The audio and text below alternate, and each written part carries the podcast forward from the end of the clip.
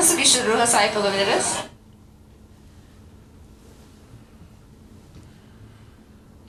İşte bak hepsi yeni neslin nurluları. Şu yüzündeki ışığa, temizliğe bak. Yüzlerinde kuzuya ait böyle tatlılık var ya, kuzularda olur o. Onların masumluğu ve temizliği var. Hepsi çok efendi ve tertemizler maşallah. Allah sana da cennet nasip etsin. Cennette arkadaş olman çok büyük bir nimet olur tabii. Senin sevgine, dostluğuna doyulmaz. E, ruh tamamen Allah'ın kontrolünde olduğu için Allah'la akıllı bağlantı gerekir. Yalnız Allah'la bağlantıda e, en önemli şey Allah'ın büyüklüğüdür. Onun üstüne çok durulması lazım. Allah'ı büyük ismiyle anın diyor ya ayette. Mesela estağfurullah dersin, günahın bağışlanması içindir. Sübhanallah dersin, Ya Rabbi sen münezzehsin. Ama hiçbiri Allahu Ekber gibi değildir.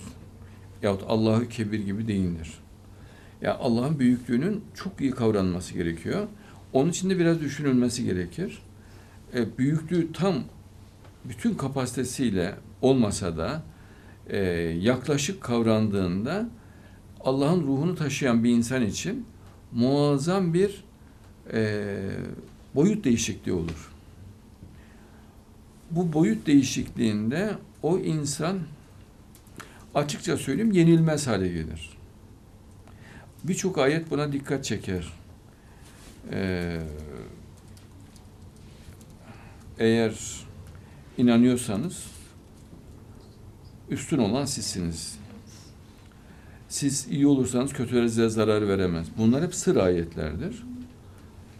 Yani teselli ayeti değil bunlar. Yani net, fiilen görülen durumdur. E, yenemezsin. Mesela bak Mehdi yenilemiyor. Öldüremezler. Kimse öldüremez Mehdi'yi mesela. İsa Mesih yenemezler öldüremezler. Niye? Allah'ın büyüklüğünü tam kavramış ve o boyutun içine girmiş insanlar. Deccal bunu bildiği için korkar onlardan. Asla gücü yetmez. Yani mümkün değil. Deccal o zırhla karşılaştığı için zaten korkup geri çekiliyor. Yani bizim göremediğimizi onlar görürler. Mesela diyor ya Samiri, sizin göremediğinizi ben gördüm diyor. Yani o zırhı onlar görürler. Ve çok korkutur onları o.